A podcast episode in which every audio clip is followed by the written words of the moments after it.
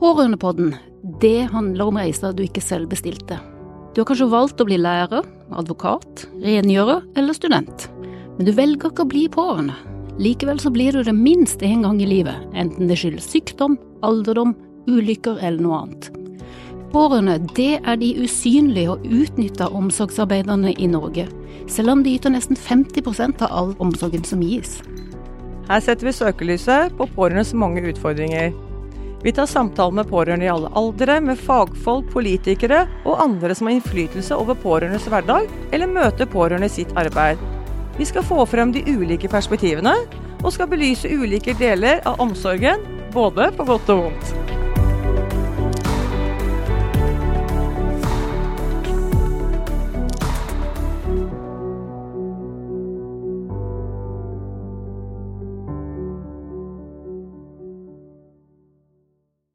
Velkommen til Pårørendepodden. Jeg heter Robert Shaw, og jeg er eh, produsenten for eh, Pårørendepodden. Og jeg sitter her med daglig leder i Pårørendealliansen, Anita Vatland, Mhm. og fagsjef i Pårørendealliansen, Anne Grete Terjesen. Vi tenkte jo vi skulle lage en eh, kort episode som eh, gjorde det litt lettere for de der ute, enten de er en medlemsorganisasjon, potensiell medlemsorganisasjon eller pårørende, at vi lager en liten episode som, som eh, hjelper de å få et lite innblikk i hva Pårørendealliansen er for noe, Mhm. hvem dere er, hva dere står for, hva dere gjør, hva dere jobber for, eh, og hvorfor dere gjør det her. Så, eh, så vi kan jo da bare starte med hva er egentlig Pårørendealliansen, for dere er jo en allianse for pårørende. Hva er Pårørendealliansen? Det er en interesseorganisasjon for det å være pårørende, det når man faktisk blir det aktivt. For det sies jo ofte av veldig mange at juridisk så er vi alle pårørende, men det er når man begynner å bli involvert i at noen er syke eller blir gamle eller trenger hjelp eh, fra sine nærmeste, det være seg familie eller venner eller andre, og man begynner å hjelpe den som skal trenge helsehjelp som regel, da så blir man en pårørende. Og det er en situasjon som det ikke finnes eh, så veldig mye hjelp eller retningslinjer eller en stillingsinstruks for, så det er noe vi har tatt tak i ved å danne en paraplyorganisasjon for å jobbe med det, og hvordan det er eh, man blir mottatt rundt omkring i diverse tjenester når man holder, eh, er, er pårørende, rett og slett. Vi bør være litt smarte og hjelpe hjelperne. Det er det vi har tenkt, eh, egentlig hovedtanken bak det. Mm. Ja, for pårørende, ordet pårørende er jo det, det- dekker et bredt felt, for å si det sånn. Kunne dere sagt noe mer om Du har jo nevnt det, hva en pårørende er her, men gjelder det alle for enhver situasjon, eller hva vil, det, hva vil det si å være en pårørende for dere, som, som er en allianse som, som jobber for de? Nei, det er jo litt som Anita sier, altså det er jo pårørende er mye, men vi har i utgangspunktet hatt fokus på de som eh, de pårørende som eh, hjelper de som er syke. Altså de som på en måte trenger hjelp av helsevesenet. Det er det vi har begrensa til. Men det er klart det er jo pårørende i mange andre sammen, men det er jo det vi har hatt stor fokus på, da. Mm. For vanligvis hører vi jo om de som er syke, men her så er det ikke de vi konsentrerer oss om, men de som faktisk hjelper de syke. De er riktige. Mm. Hvordan går det egentlig med pårørende i Norge i dag? Har dere noen eksempler på kanskje mm, hvordan situasjonen er, og, og hvordan dere har sett at her må vi gjøre noe? Det var noe av det første vi fant ut. Vi måtte finne ut hva er ståa. Så det vi gjorde først i 2016, det var å gå ut med en pårørendeundersøkelse via de som vi visste var interessert i, i feltet, og sendte ut en undersøkelse og fikk eh, over 3000 svar på den eh, første gang. Vi eh, presenterte det i et møte for helseministeren og andre for å plassere det inn og vise hva er helse, helsetilstanden og økonomisk tilstand, og hvordan påvirkes livet av å være pårørende. Eh, Og det fikk jo veldig stor oppslutning. Vi så jo da konkrete effekter på helsa til folk, altså jo lengre de var pårørende, jo dårligere egenopplevd helse fikk de, det var nattesøvn som gikk bort, det var dårlig mat, det var dårlig eh, Altså, de var dårlige til å ta vare på seg sjøl. Eh, og det er én ting, og så så vi at det påvirka evnen til å gå på skolen, evnen til å gå på jobben, eh, økonomien til folk. Og da er vi jo inne på noe som, som, sier at vi kan jo ikke få to pasienter ut av én diagnose. Da må vi på en måte ta tak i det og, og, og, finne ut hvordan skal vi gjøre det enklere. Så mm. kjørte vi en ny undersøkelse, og den fikk over 6000 svar. Og da begynte vi å skjønne at tendensen var den samme. Her er det en gruppe som trenger mer hjelp enn det de får i dag, på alle livets uh, arenaer som de opererer i som pårørende. Så så ja, eh, det er noe å ta tak i, og uh, vi må uh, jobbe for at det skal bli bedre å være i en pårørendesituasjon. Det var en grunn til at vi starta med det. Mm. Fordi når vi begynte å se, så har ikke Norge AS vært opptatt av å høre hvordan det er med pårørende. Så vi har ikke noen gode studier på det. Vi blir ikke omtalt, vi blir omtalt ofte kanskje som kvinne innenfor ulike diagnoser.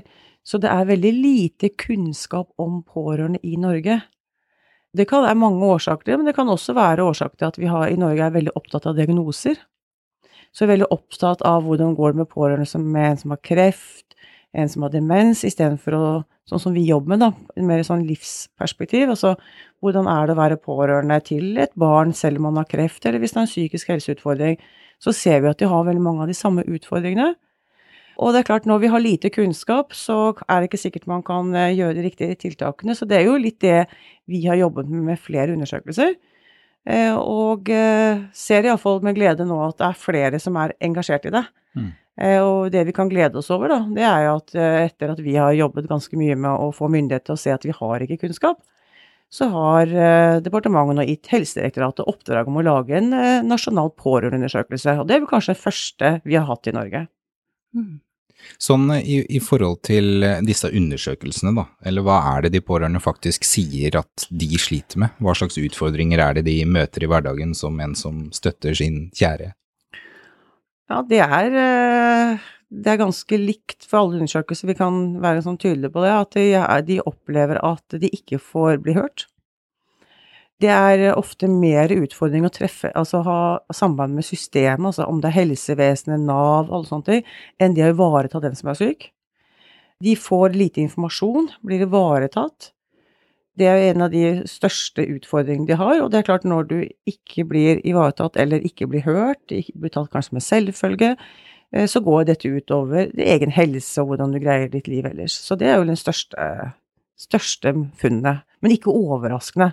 Altså alt det du ser av småstudier og sånn, peker alltid på det at helsevesenet skal være flinkere til å informere pårørende og sånt. Mm. Og det som også kommer fram, det er jo at det er likt for eh, alle uansett hvem man er pårørende til, og det går litt på livsfaser. Altså barn og unge har sine utfordringer som pårørende til, for, til å være i skolen og til å holde venner og alt dette. Så kommer ungdommen som kanskje skal gjennom videregående, de skal komme seg ut i jobb, men de er kanskje den som er i en voksenrolle hjemme, da, for det pårørendesituasjonen gjør det, det er de som tar vare på de andre når de voksne kanskje er, eh, ikke er i stand til det.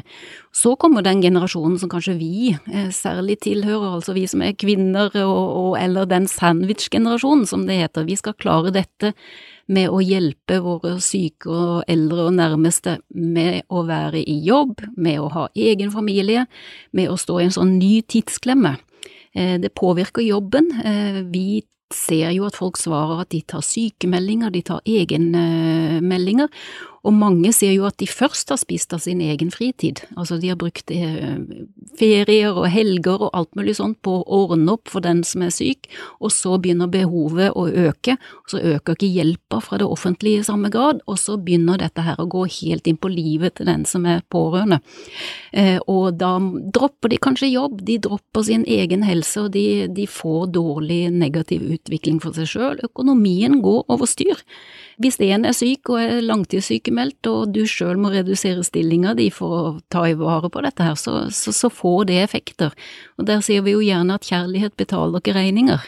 Eh, det er den kjærligheten som driver mange, men den utnyttes nok litt av systemet sånn som vi ser det i dag også, for vi er jo på vei også mot et samfunn hvor vi sier vi skal være hjemme lengst mulig, vi skal fort ut på sykehus, fra sykehuset og hjem til kommunen og bli behandla der.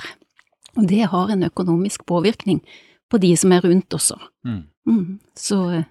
ja. Det er litt så viktig det med økonomi, for det, det er, jo, er, jo, viktig i dag, iallfall i Norge, så er det en stor forventning at begge skal jobbe eh, i en husholdning. Og jeg tror nok eh, Hvis man ser på de økonomiske støtteordningene pårørende har, så tror jeg nok det er veldig mange som blir skuffa eh, når de blir pårørende og tror kanskje at eh, oi, her kan jeg kanskje få hjelp, for jeg hjelper jo tross alt min kjære.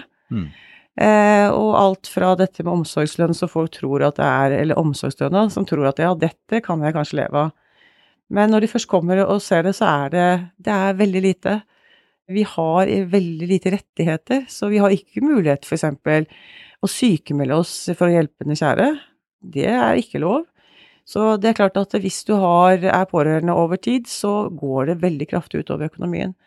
Og det er jo en utfordring for de som kanskje har dårlig økonomi fra før av, og eh, ikke få noe hjelp fra det offentlige. Ja, ikke sant.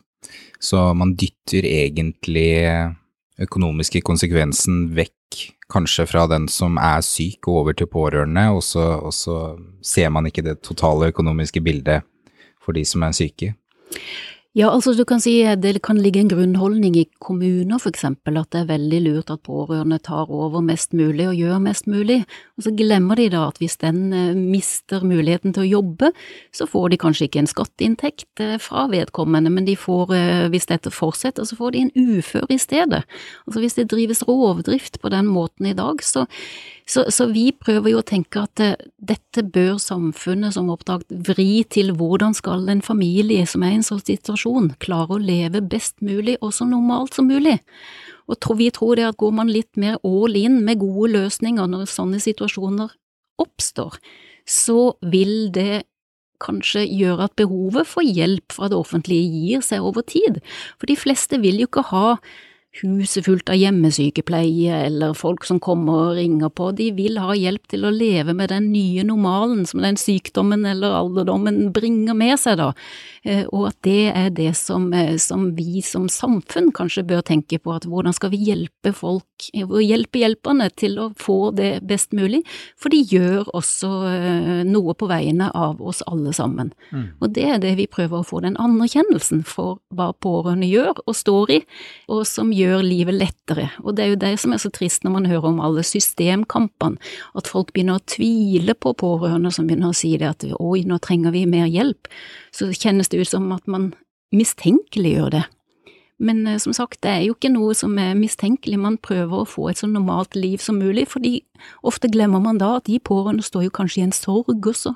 De har en ventesorg over et liv som ikke blei sånn som det skulle, eller noe som et barn som ikke kommer til å leve lenge, eller en, en sykdom som gjør at livet sammen med noen blir mye kortere. Mm. Og det, det, blir borte i den harde virkeligheten med skjema og søknader og tildelingskontor og alt sånne ting, og det, det prøver vi å få på banen. Eh, med å se det at det hjelper vi, så blir dette bra, og så får vi pårørende som kommer seg videre med livet sitt også, når en pårørende situasjon er over, og ikke sitter og er helt knekt fordi for mange så vil jo den pårørendesituasjonen gå også over, og, og, og, man skal fortsette. Og hvis man da har med seg en veldig dårlig bagasje, fysisk eller psykisk eller begge deler, så, så har vi jo skapt en ny pasient av en sånn situasjon, og det er jo det vi bør tenke smartere på. Vi er opptatt av løsninger for å få dette her til å bli til å bli bedre for de som kommer i en sånn situasjon, som står i det lenge. Så alle klarer eh, en kort periode, en operasjon, en rekonvalesens, og så er den man er pårørende til, tilbake igjen. Men vi snakker jo om de som står i dette år etter år, og som kanskje mm, ser at dette blir det livet vi skal ha til, eh, til dette er over. Mm. Mm. Og som vi snakka om litt tidligere, det er jo Pårørende er jo alle livets faser. Det er unge, det er eldre, det er sykdommer, det er eh, mye som skjer som gjør at en kan bli pårørende i løpet av livet. Mm. Er det noen spesielle typer pårørende dere kjemper for nå? Har dere noen fanesaker, eller hvem kjemper dere for nå? Det er spesielle grupper pårørende som vi ser har større utfordringer enn andre. Det, ja. eh, og det er helt klart at det er jo det er liksom noen, det er de som har vært, eh, eller er pårørende veldig lenge. Og det er klart, får du syke barn som kanskje ikke blir helt friske, eller du får eh, altså langvarig sykdom. Vi ser jo det, og spesielt innenfor psykisk helse og rus. Eldreomsorg, demens. Dette er grupper som eh, lever lenge med sykdom i huset sitt og har store utfordringer, og det er klart det er viktig å få fram. Så er det som Anita sier, vi er alle beslutninger Altså, vi er jo veldig opptatt i helsevesenet at det, pasienten skal ses, pasienten i fokus, og det er masse politiske føring på det. Ikke gjør noen beslutninger uten meg. Eh, vi som er pårørende, vi har eh, veldig ofte når det tar beslutninger, eller pasienten og helsevesenet tar beslutninger, enten det er pasienten eller om det er helsevesenet, så går det direkte utover pårørende.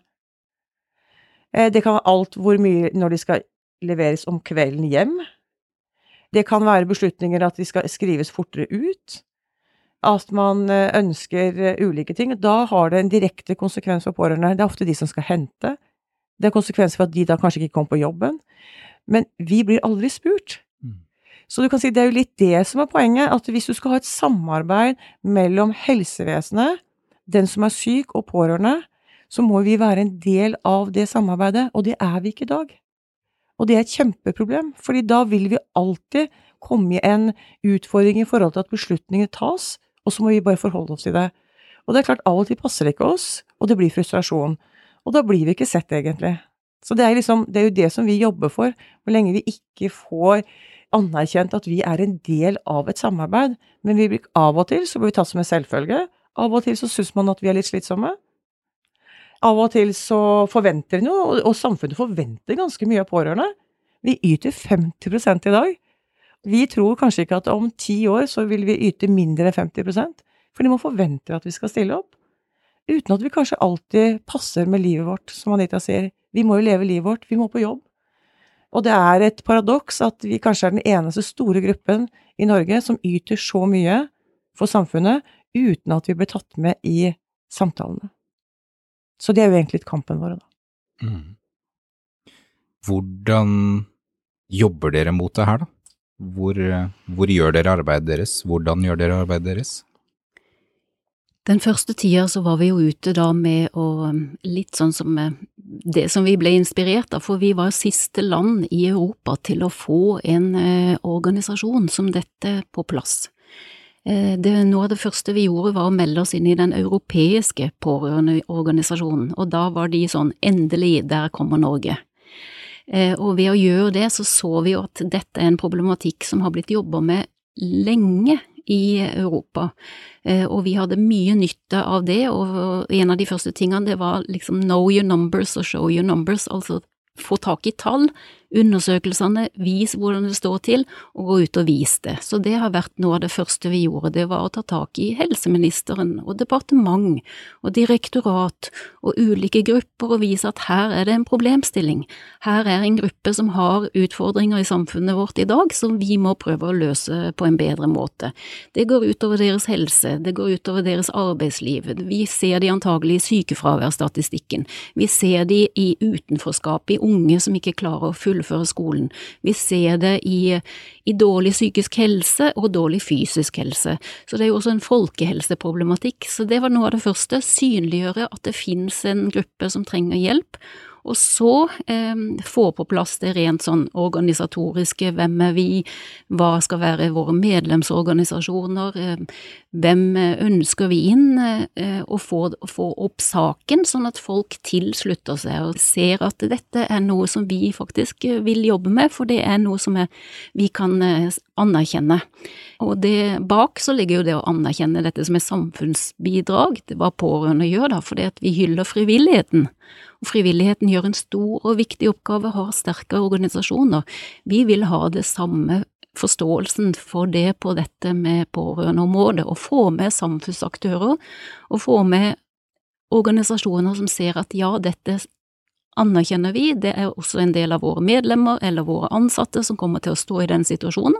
Det er et sosialt ansvar å ta ansvar for eh, for denne gruppen som, eh, og denne rollen som mest sannsynlig kommer til oss alle en eller flere ganger i livet. Vi kommer til å oppleve å være pårørende.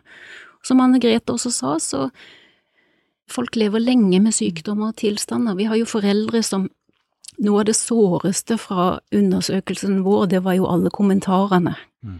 Alle kommentarene som lå der, og frykten når de skriver at eh, jeg er veldig redd for å dø. Fra den jeg er pårørende til, for hva skjer med vedkommende da, når ikke jeg kan slåss for han mer? Eh, det gikk igjen mye oftere enn det vi, det vi, likte å se, egentlig, og det var veldig sterkt. Det var så sterkt at vi måtte skrive en, en bok hvor vi gjenga kommentarene, og det, det, er livserfaring som er der, som er, mange får veldig dyrekjøpt.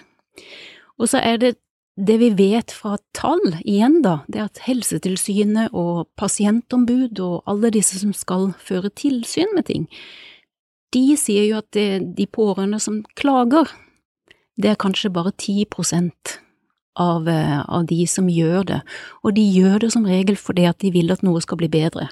Så de bør vi ivareta. De andre er kanskje ferdig, de er utslitt, de tenker at oi, dette var et kapittel i livet mitt, kanskje et mørkt kapittel, og så må jeg komme meg videre.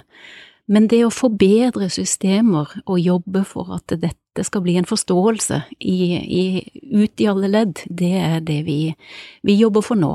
Så Derfor så har vi fått åpna for medlemmer, fått 30 medlemsorganisasjoner, åpen for flere. Det er et eh, samfunnsoppdrag som også bør ligge i næringslivet, i det offentlige og i alle som møter folk. For det er folk vi snakker om, det er jo du og meg og, og alle og våre nærmeste som kommer til å, å, møte dette. Medisinen går fremover, vi kommer til å leve lenge også som pårørende. Pasientene lever lenge i dag på grunn av god medisin og god behandling. Det betyr jo også at den pårørendesituasjonen varer lenge for veldig mange. Og så tror jeg litt eh, sånn som Robert du spurte om innledningsvis, det med pårørende. Hvem er pårørende, og hva gjør de? Vi, altså, vi prøver å synliggjøre hva gjør de, fordi ofte når man tenker pårørende, så tenker man ut fra kanskje etterlatte ulykker, for da ser man det mye. Men og så tenker man kanskje pårørende som er på sykehus. Sant? Og det er helt riktig, det er en ganske viktig del. Men vi prøver liksom å løfte det litt utover at det er et livsperspektiv. Fordi det er litt sånn at vi er veldig opptatt av kanskje å lage kurs for at vi skal møte helsetjenesten, og vi skal få veiledning og sånn, og det er veldig bra, men det er bare en så liten del av det. For liksom, når vi lever et liv så, som Anita sier, vi lever lengre. Folk, gudskjelov, altså vi har god helsetjeneste i Norge. Vi har et fantastisk velferdssamfunn, vi må jo bare være ærlige på det. Men da er det sånn at det, hvordan skal vi leve med det? Hvordan skal jeg greie å kombinere jobben med å være pårørende? Og det er litt det, altså vi prøver liksom å si Vi tror liksom å vise hva alt det pårørende gjør. Alt fra å hjelpe sin mor med å klippe gresset, handle, komme innom hver dag for å se at hun har det i orden. Alle de oppgavene pårørende gjør, så synliggjør litt det. Så liksom alle Å ja, er det virkelig så mye de gjør? Liksom, er det det bidraget de gjør? Istedenfor at man alltid bare ser dem kanskje ved en sykeseng, eller at de er pårørende når de har mistet sin kjære.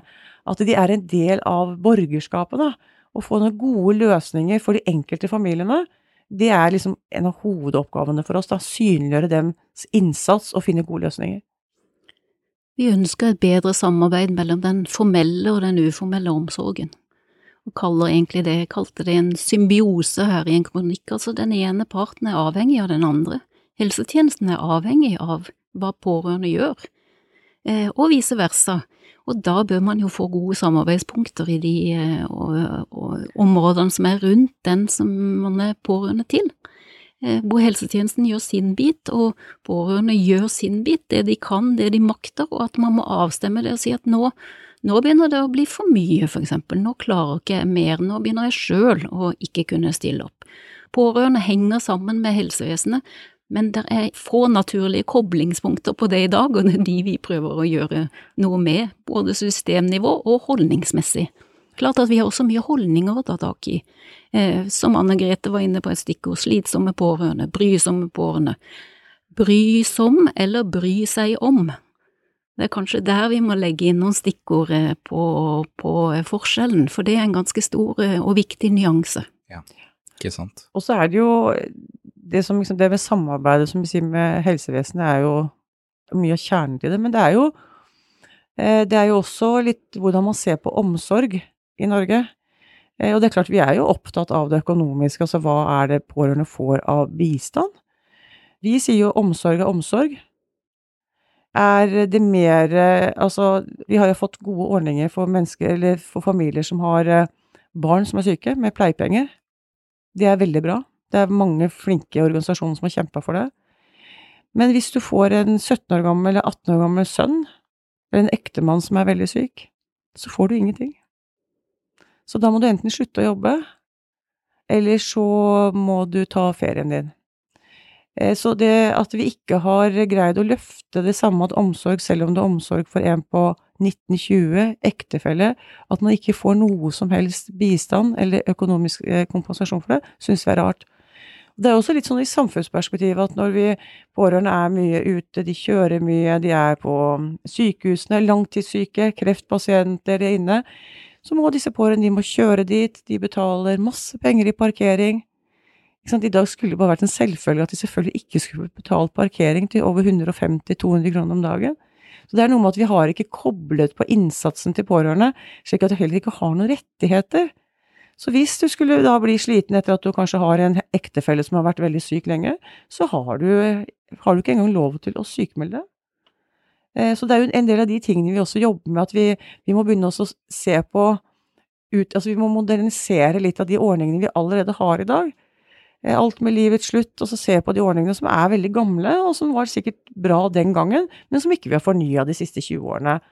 Eh, og når vi vet at vi skal ha flere folk ut i jobb, vi vet at folk blir eldre og lengre syke, og pårørende må stå lenger, så må vi også tilpasse de systemene vi har i dag, slik at de greier den balansen.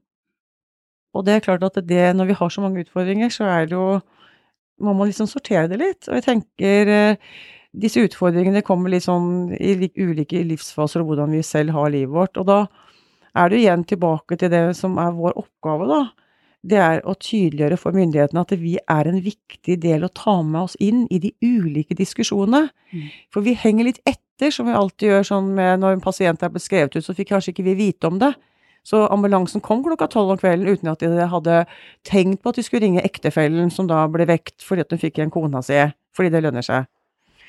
Og jeg tenker det er litt uh, det som hele tiden er på individnivå, men det er også på systemnivå. fordi når vi adresserer sånne ulike problemstillinger, så er det ikke noen, noen naturlig del av invitasjonen. Vi kommer liksom litt etterpå, så tar vi fram disse utfordringene og de tingene. Så det er liksom vårt hovedmålsetning som Pårørendealliansen, det er å, å få oss på kartet.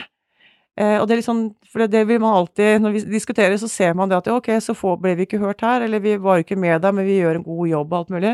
Så jeg tenker vi kommer liksom tilbake til hva er det vi liksom kjemper for, da. Så er det jo det at vi bør bli anerkjent som en paraplyorganisasjon. Mm. Og det er litt betegnende at når vi skulle starte paraplyorganisasjonen, så brukte vi ganske lang tid.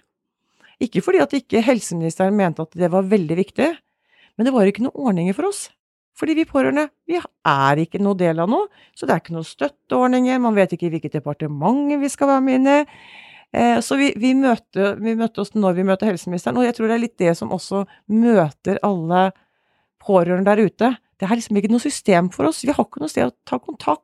Det er litt tilfeldig om det er en hyggelig sykepleier vi vet kan ta kontakt med.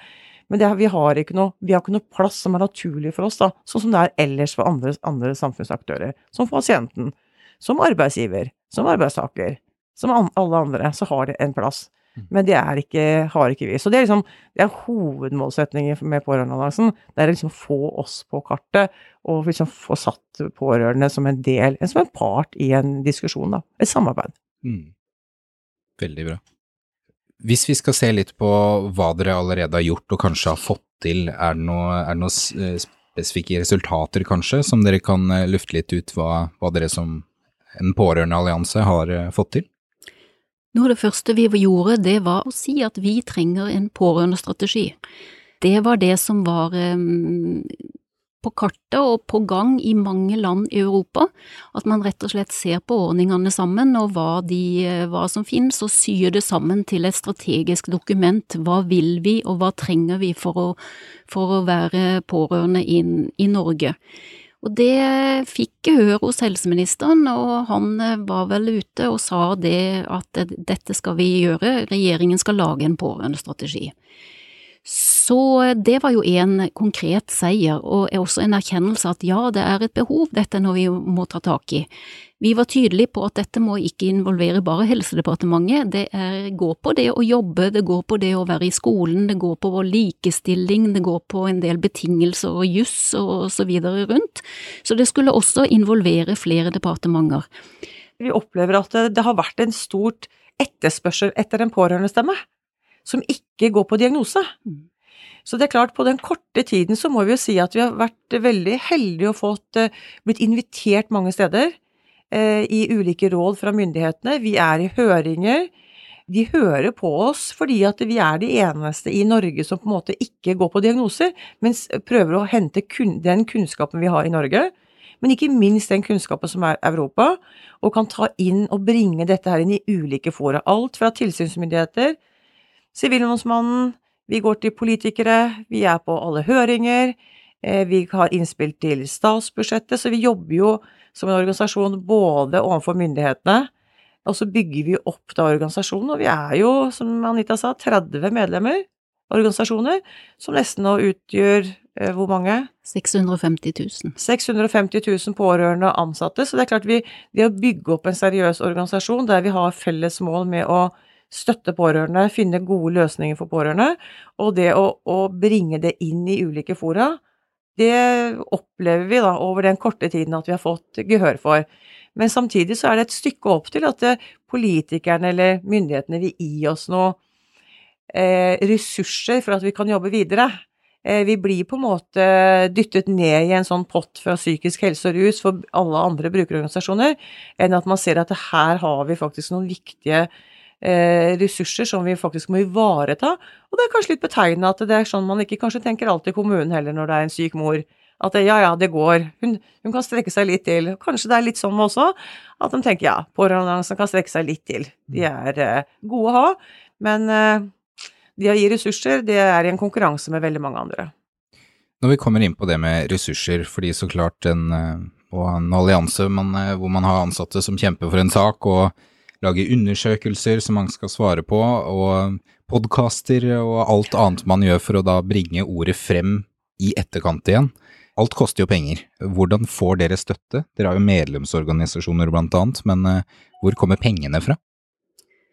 Pengene kommer fra det Anne Grete sa, altså vi får fra en, eh, en tilskuddspott som vi søker på Helsedirektoratet, som er en årlig, årlig ordning, og som gir oss nå nok til to stillinger og litt marke, altså markedsføring eller budskapsformidling, som vi jo holder på med her nå, da. Eh, men det er klart at det er ikke noe til å få noe pondus av. Eh, vi har medlemsorganisasjoner som betaler en symbolsk avgift for å være med. Det ville vi gjøre, for det finnes over 120 pasientorganisasjoner i dag, og de er små, så det skal ikke være noe økonomisk terskel for å bli medlem hos oss. Vi vil heller ha flere som blir det for å synliggjøre at de støtter saken. Så må vi se på at altså et klart mål er jo å være på statsbudsjettet i likhet med andre paraplyorganisasjoner som jobber for store grupper.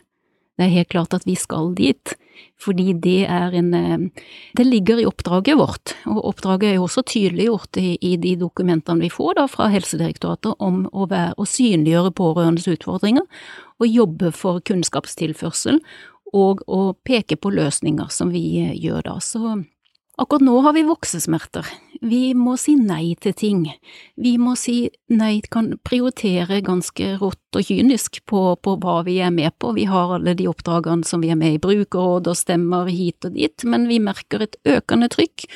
Og vi merker jo at vi har truffet det som var helt riktig, både tidsmessig og eh, håper å si i en slags ånd, en tidsånd. Det var behov for noen som tok en, eh, en, stemme for pårørende uavhengig av diagnosen, og så jobber jo alle pasientorganisasjoner og andre med glimrende tilbud for akkurat de som er pårørende eller pasienter til den.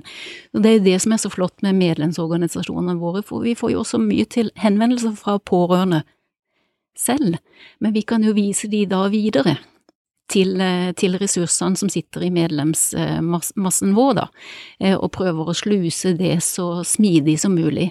Men eh, absolutt, vi, vi, trenger, vi trenger, en for, forutsigbare rammer, og det har vi ikke nå. Så, så, vi har enda litt sånn gründerånden i oss på det, og vi jobber ikke akkurat åtte til fire. Nei, for dere er jo to ansatte, som du nevner. Ja. Hvis vi starter med deg, Anne Grete. Det hadde vært fint å bare høre litt uh, Hvem er dere egentlig? Hvorfor er dere her? Hva drev dere inn i Pårørendealliansen? Ja, det var et godt spørsmål. Nei, jeg for min del kom jo fra en pasientorganisasjon som heter Landsforening for pårørende innen psykisk helse. Eh, og der ble jeg engasjert etter at jeg selv ble pårørende innenfor psykisk helse. Og det var jo litt sånn eh, Jeg har jo vært pårørende i mange år, altså jeg har vært det nesten fra jeg har fått eh, barna mine. Men eh, når jeg kom inn i psykisk helse, så ble jeg veldig overraska eh, at det var vi som var rundt, da, vi, vi, vi, vi betydde ingenting. altså sånn Tvert imot så opplevde jeg at vi var ganske vanskelig å ha med å gjøre. og Så tenkte jeg hva er det, ble veldig nysgjerrig på hva er det som skjer, liksom. Så jeg tenkte at det her må jeg jo engasjere meg. For jeg, var så, jeg traff jo så mange helsepersonell, og så lurte på hvorfor, hvorfor tar de aldri kontakt med oss, og hvorfor hører de ikke hva vi mener og sånn. Så jeg valgte å gå litt på skolen, da, vernepleien, for å liksom tenke kanskje det er noe jeg ikke skjønner, for jeg er jo økonom i utgangspunktet. Eh, så har jeg gått der. Det er jo ikke Jeg har ikke skjønt så veldig mye mer etter det, men samtidig så tenker jeg at eh, jeg syns det var mange, mange, ting rundt det med pårørende som jeg ikke forsto, fordi jeg kom jo fra en annen bransje. Jeg jobba jo i IT i mange år, og engasjerte meg rett og slett, og fant ut at her er det så mye å ta tak i. Så begynte Helsedirektoratet å lage en veileder for pårørende. Og hadde egentlig ganske store vyer den gang at her må man jo samle krefter, og må ikke bare tenke på diagnoser og sånn, så jeg hadde det liksom i bakhodet. Og så så jeg plutselig at det var en annen dame som holdt et glimrende innlegg, da. Eh, som var Anita, og så tenkte jeg jøss, hun har akkurat de samme tankene som meg. Og det var sånn jeg og Anita traff hverandre, og starta mm. Pårørendealliansen. Så fra IT og økonomi til nå hit, inn i Pårørendealliansen? Ja, det er riktig. Yes. Mm. Og du Anita, hvem, hvem, er så du? Hvor kommer du fra? ja, veien inn hit i dag var jo også via engasjement for pårørende. Jeg har bakgrunn som siviløkonom og jobber mye med mot, eller med helsesektoren med ulike tjenester levert til den. Og så jobber jeg også selvstendig en stund med å hjelpe pårørende i eldreomsorg og så da hvordan det var eh, å møte systemet der. Så ble jeg også engasjert i bedre eldreomsorg, så det med det å få bedre eldreomsorg, og var med og stifta Pårørendeaksjonen for bedre eldreomsorg, og kom inn på den måten, og var en stemme inn i det samme møtet som vi da møtte Anne Grete og noen andre, som da så det at vi, vi snakka om de samme tingene når vi skrelte bort diagnosen eller tilstand, så var det jo systemkamp, det var eh, samarbeid, det var å bli hørt, det var å være en part, det var fellesnevner i alt det vi sa når vi tok bort diagnosen, og da kikka jo vi til et dokument som er, faktisk er ganske viktig, som ligger tilbake fra en NOU eh, 2011, som het Innovasjon i omsorg, og der sto det ganske klart Norge mangler en pårørendeorganisasjon som jobber på tvers av diagnoser. Det sto veldig tydelig der, og så sto det også sånn skal, skal staten ta initiativ til det, eller skal det komme fra grasrota selv? Og det kom jo fra oss, og da er det grasrota selv, så da, det, da, da, ble det oppfylt på den måten. Mm. Så, så, sånn var veien til at vi sitter her i dag, og egentlig har tenkt at dette skal vi ta. Vi skal få dette på beina, vi skal få det opp på agendaen, det skal inn. Eh, og eh, vi gir oss ikke på tørre møkka. Nei, veldig bra.